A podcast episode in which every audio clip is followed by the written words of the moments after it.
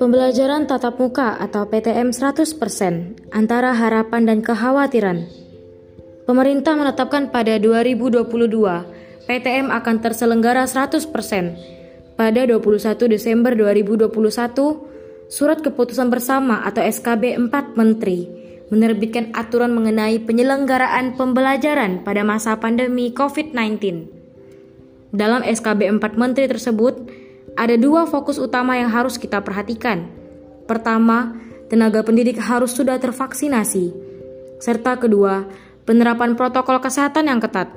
Sebagaimana kita ketahui, setiap satuan pendidikan yang berada di daerah PPKM level 1, 2, dan 3 wajib melaksanakan PTM 100%. Sudah hampir dua tahun pandemi berlangsung, bukan tidak mungkin akan makin banyak peserta didik yang mengalami learning loss oleh sebab itu, PTM 100% terpaksa tetap berjalan untuk mencegah dampak negatif yang lebih besar, khususnya terkait learning loss.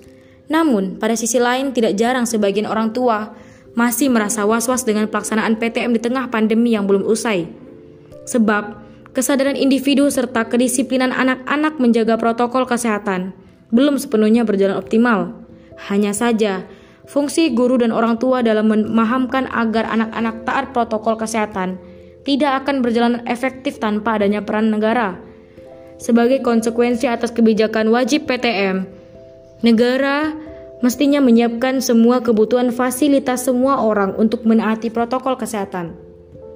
Negara wajib menjamin, memenuhi dan melindungi rakyat, khususnya warga sekolah. Rasulullah Shallallahu Wasallam bersabda, Sesungguhnya seorang imam, kepala negara, laksana perisai, rakyat di belakangnya dan dia menjadi pelindung bagi rakyatnya. Hadis riwayat Bukhari dan Muslim. Rasulullah telah menegaskan bahwa tugas seorang imam secara umum adalah memelihara seluruh kemaslahatan rakyat dengan petunjuk Allah Subhanahu wa taala dan sunnah Rasulullah Sallallahu alaihi wasallam.